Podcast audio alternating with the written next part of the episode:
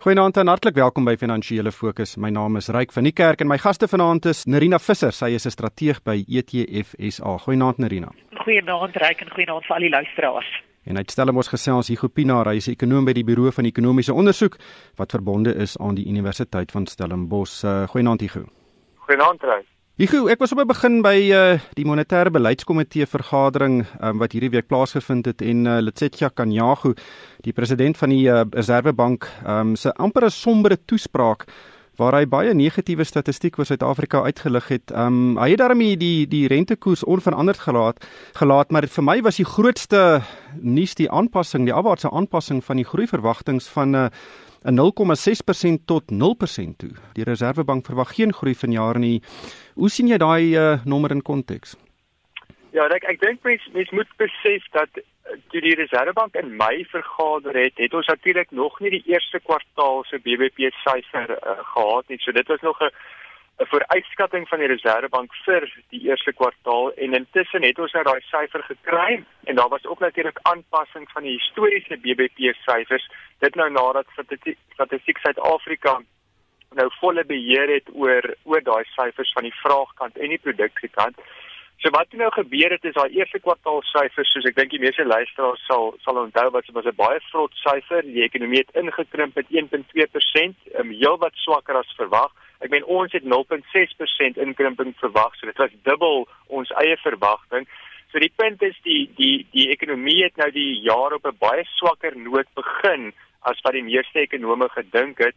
So selfs as die ekonomie nou herstel en ek dink dis die punt wat wat wat ehm um, die president gemaak het, uh, is dat selfs as hulle aanneem groei lyk beter in in die res van die jaar so tussen kom ons sê 0.5 en 1.5% kwartaal op kwartaal vir die res van die jaar selfs dan eindig mens met 'n 0 0% uh, groeikoers. So ek dink daai aanpassing is in lyn met wat ons van die IMF gesien het onlangs. Hulle het ook hulle syfer aangepas.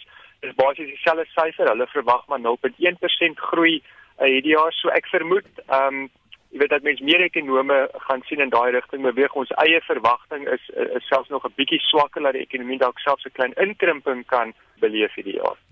Narina, weet mens kry statistiek en dan kry mens statistiek en dan kry mens leuns of hoe gaan daai spreekwoord, maar ons sien geweldige hoeveelheid veranderings in statistiek. Weet in die begin van die jaar is daar nog meer as 1% groei verwag. Ehm um, 4 maande gelede was die groei verwagting 0,8%, 2 maande gelede 0,6% en nou is dit 0%. Wat moet iemand wat van die kant af inkyk hiervan maak? Ehm um, jy's heeltemal reg bereik en ek dink wat ons wat ons sien daaruit is dat mens nie te veel moet fokus op net daai syfers nie en veral nie hierdie vooruitgeskatte syfers nie. Ja, dit is dis belangrik in terme van hoe mens jou ehm um, jou beplanning doen of dit nou beleggingsbeplanning en of dit nou besigheidsbeplanning is. Hierdie soort van faktore is belangrik, maar ek dink veel meer belangrik is 'n mens se eie ervaring. Ek wil amper sê op die grond. Met ander woorde, is jy die verbruiker wat in die winkel staan en wat die kos moet koop of is jy die besigheidsman wat ehm um, beplanning vir sy besigheid moet doen vir die volgende 3 na 5 jaar. En as mens op daai basis daarna kyk, moet mens nie te veel dink ek fokus op hierdie um, deurlopende aanpassings wat op ons op ekonomiese syfer vooruitskatting sien nie.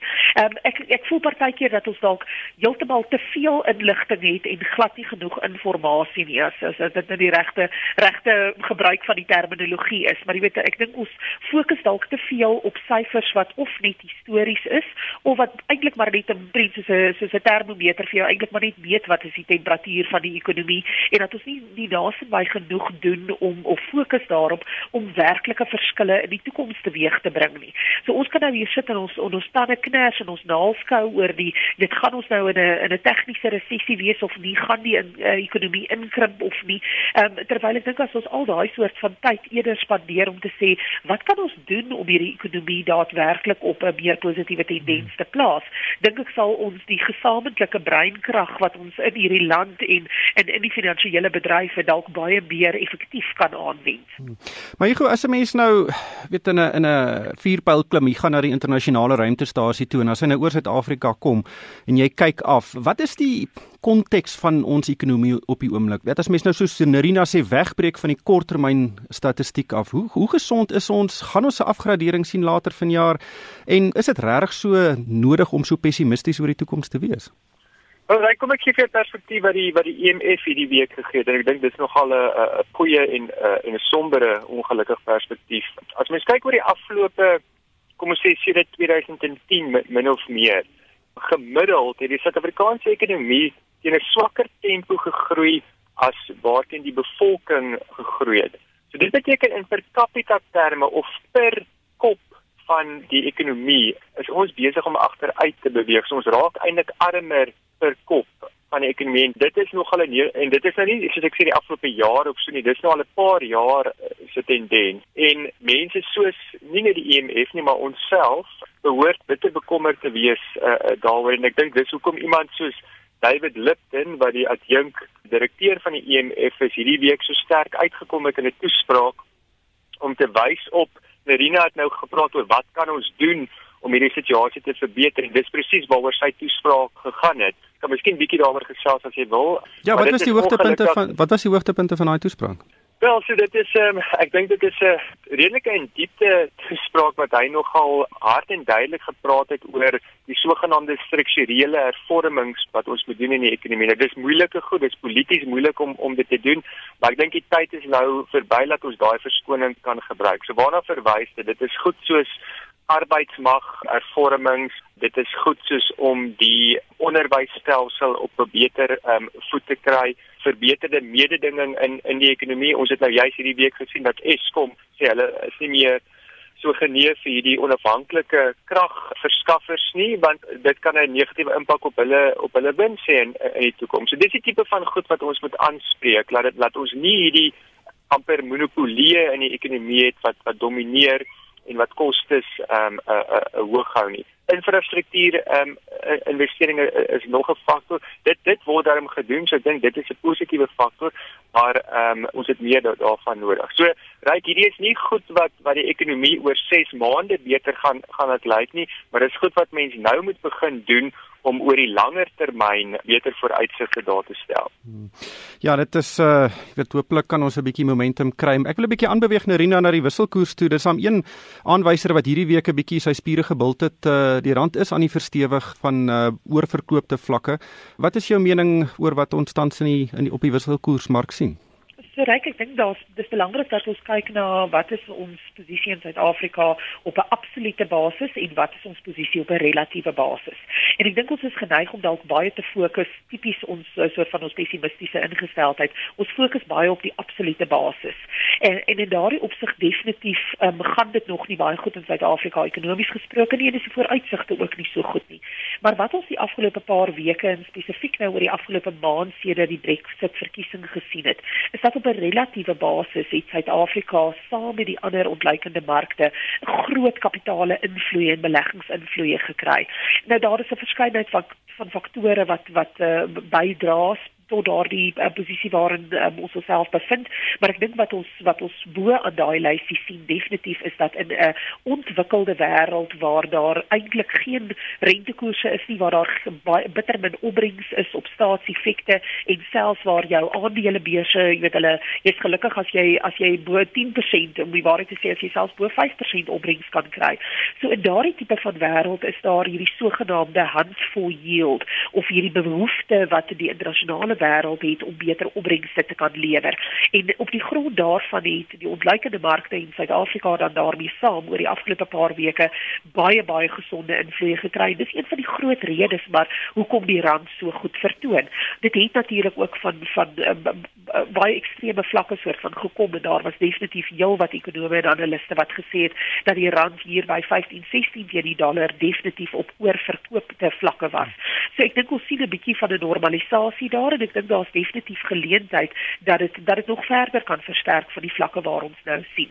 Waar lê die ehm um, soort van die die die donker wolke, jy weet ons ons uh, gouverneur het gister die president van die Reservebank gister gepraat van die donker wolke en die en die silwer randjies. Die donker wolke wat ons daar sien is uit die aard van die saak wat Amerika met hulle rentekoersbesluite gaan maak, wat uh, die die Europese sentrale bank en dan spesifiek ook die bank van Engeland ehm um, rondom die hele Brexit besluit hoe hulle hulle ekonomie, hulle rentekoerse, hulle monetêre beleid, selfs hulle fiskale beleid, hoe dit in die toekoms gaan lyk en dan natuurlik meer plaaslik, jy weet, in hoe mate is, Suid-Afrika op 'n absolute basis wel in staat om hierdie kredietafgradering te te, te, te vermy. So al hierdie dinge is dit beteken ons het 'n klomp bewegende faktore waarna ons moet kyk en dit maak dit baie moeilik om op die sies op die relatiewe kort termyn ja. regtig 'n vooruitskatting te kan neem.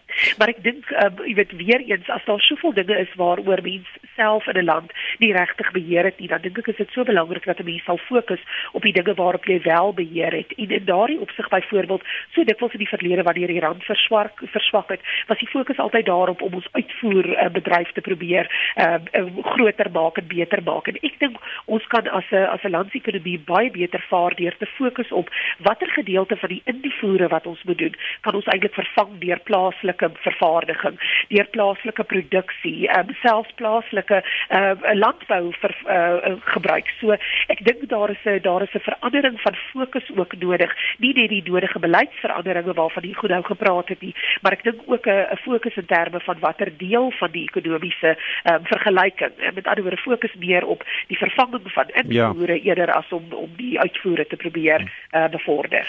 Hier goed daai geld wat nou in die land inkom, weet dit is nou baie positief in die kort termyn, maar dit is sogenaamde warm geld. Dit kan baie vinnig weer ook ons uh, weet landsgrense verlaat. Uh, wat, wat is jou gedagtes op die oomblik oor die wisselkoers en en oor hierdie verskynsel dat ons nou weer so baie geld sien wat die land inkom?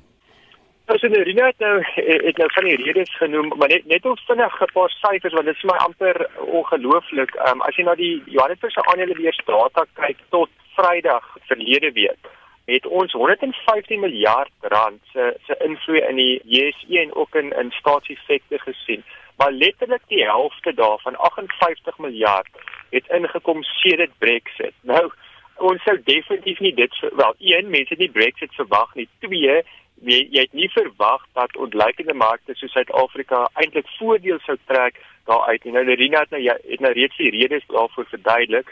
Maar ek dink jy is reg as mens kyk na na hoe ons lopende rekening tekort gefinansier word, dan is dit grootliks hierdie soort van warm geld portefeulje invloei en dan daar ook 'n kategorie in Engels unrecorded uh, transactions. So dit is invloed wat ons nie eintlik weet presies waarvandaan dit kom nie. Nou ek dink in terme van die risiko's vorentoe, Rina het nou reeds genoem oor die Amerikaanse Federale Reservebank of sentrale bank. As hulle sou rentekoerse verhoog later in die jaar, dan kan dit 'n uh, dalk hierdie hierdie kapitaalinvloei omdraai. Dit hang natuurlik af of hulle meer aggressief is al dan nie as as wat die markte uh, verwag. Ek dink nie hulle gaan meer aggressief wees nie. En dan die tweede groot faktor, ons is in Desember het ons weer die kredietgraderingsagentskappe wat wat hulle jongste opinie oor Suid-Afrika gaan gaan uitlewer of gee en sou ons in daai stadium nie vir hulle ietsie gewys het in terme van hierdie hervormings waarna ek verwys het nie en ek ek dink nie eers mense hoef veel te doen wesenlike goed waarna ek nou verwys het, maar net ietsie wys dat ons besig is om iets te doen om om mediumtermyn groei te verbeter in die afwesigheid daarvan dink ek S&P veral. Ek dink nie die ander ons het daar's nie veel van 'n risiko dat Fitch en Moody's ons afgradeer nie gegee hoe hulle nou oor Suid-Afrika dink, maar dat S&P ons moontlik sou kon afgradeer en dan dan is die rand waarskynlik in in in 'n ander situasie en en mens het swakker geldeenheid. Maar jy weet en as ons mens nou as ons aansluit by ons vorige gesprek oor die ekonomie, waar dink jy is 'n billike ware vir die rand wat wat ons ekonomie die meeste kan ondersteun? Ryk is baie moeilik om te sê, jy weet daar daar's verskillende berekeninge wat wat mens kan doen daaroor. Die een wat ekonomie ekonomiese teorie mense sê is is die sogenaamde koopkragpariteit beginsel. So dis waar waar mense kyk na die inflasie verskille tussen Suid-Afrika en ons vernaamste handelsvennote. So die teorie sê dat die rand oor tyd moet verswak in in ooreenstemming met die verskil in in inflasie. So as mens daai berekening nou sou doen, ehm um, dan gaan die dan gaan dit waarskynlik vir jou wys dat die rand nader aan 10 rand ehm um, teen die Amerikaanse dollar dit wees so dis wesentlik sterker as natuurlik as waar ons vandag is. Nou of dit noodwendige uh, regverdige 'n uh, uh, uh, waarde is, is ek nie seker nie. Weet, as die rand nou ewe skielik na 10 toe sou gaan, ehm um, jy weet dan dan gaan die uitvoerders nou weer nou weer um, redelik klaar vermoed ek en dan gaan dit natuurlik weer duurder wees vir toeriste om om na Suid-Afrika toe te kom. Maar wat ek wel sou sê is dat ek dink selfs waar ons vandag is op 14.20 teen die dollar is die rand waarskynlik onderwaardeer of of waarskynlik 'n bietjie te swak, maar dan moet mense natuurlik vir jou sê vir jouself sê dat daar da is waarskynlik goeie gronde vir daai swakte. Die tyd haal ons ongelukkig in, maar Nerina net laastens, ehm um, die ZARX aandelebeurs is natuurlik die die tweede aandelebeurs in Suid-Afrika wat in September sy deure gaan oopmaak en die landbougroep Senwes gaan die eerste notering wees. Uh dis eintlik amper bietjie opwindend om 'n bietjie 'n mededinger te sien vir die Johannesburgse aandelebeurs. ja, dit is nogal. Ek dink ook wat wat vir my baie goed is hiervan is ons sien uh toenemend die gebruik van uh van 'n van 'n beurs nie soseer om kapitaal bymekaar te kry nie, maar om net 'n veilige uitruil van geld vir bates te doen. Wat eintlik so van een van jou oorspronklike redes was ook vir 'n effektebeurs. So Zarix met sy Senwes notering waarmee hy gaan begin, dink ek val nogal baie spesifiek in die kategorie. Ons het sedert 2008 met die uh, globale finansiële krisis het ons gesien dat daar 'n groot beweging is om uh transaksies wat nie op 'n op 'n spesifiek op 'n effektebeurs plaasvind nie, die sogenaamde OTC, over the counter transaksies om dit op um, geregistreerde en gelisensieerde beurse te kan kry. Ons het dit gesien met uh, verskillende instrumente en in Suid-Afrika spesifiek dan hierdie sogenaamde BEE aandele wat grootendeels nie deur die maatskappye self uh, verhandel is word is daar toe nou die behoefte dat dit op 'n op 'n beurs sal verskyn. En Senwes is nou spesifiek in daardie in daardie kategorie en ek dink hier is 'n geleentheid vir uh, nie net Zarex nie maar ook twee of drie van die ander beurse wat um, of nuwe beurse wat aansoeke vir lisensies in het by die by die FSB. Ek dink daar is 'n geleentheid daar vir ons om baie um, interessante kompetisie te kry en veral nie net noodwendig te probeer om die JSE se besigheidsmodel te dupliseer of te repliseer nie, maar om te sê, weet jy wat, daar is ander geleenthede ook. Byvoorbeeld net om verskillende finansiële instrumente te kan verhandel, soos byvoorbeeld beursverhandelde fondse of selfs effekte trusts wat die mens dan dalk direk via so effekte beurs kan verhandel eerder as om dit van die so die sogenaamd over the counter hmm. direk by die effekte trust maatskappy te gaan aankoop. Ongelukkig uh, is dit alwaar vir ons tyd het vanaand. Baie dankie aan Nerina Visser van ETF SA en die groepienaar van die Buro van Ekonomiese Ondersoek en van my ryk van die kerk. Dankie vir die saamluister en ek koop almal 'n winsgewende week.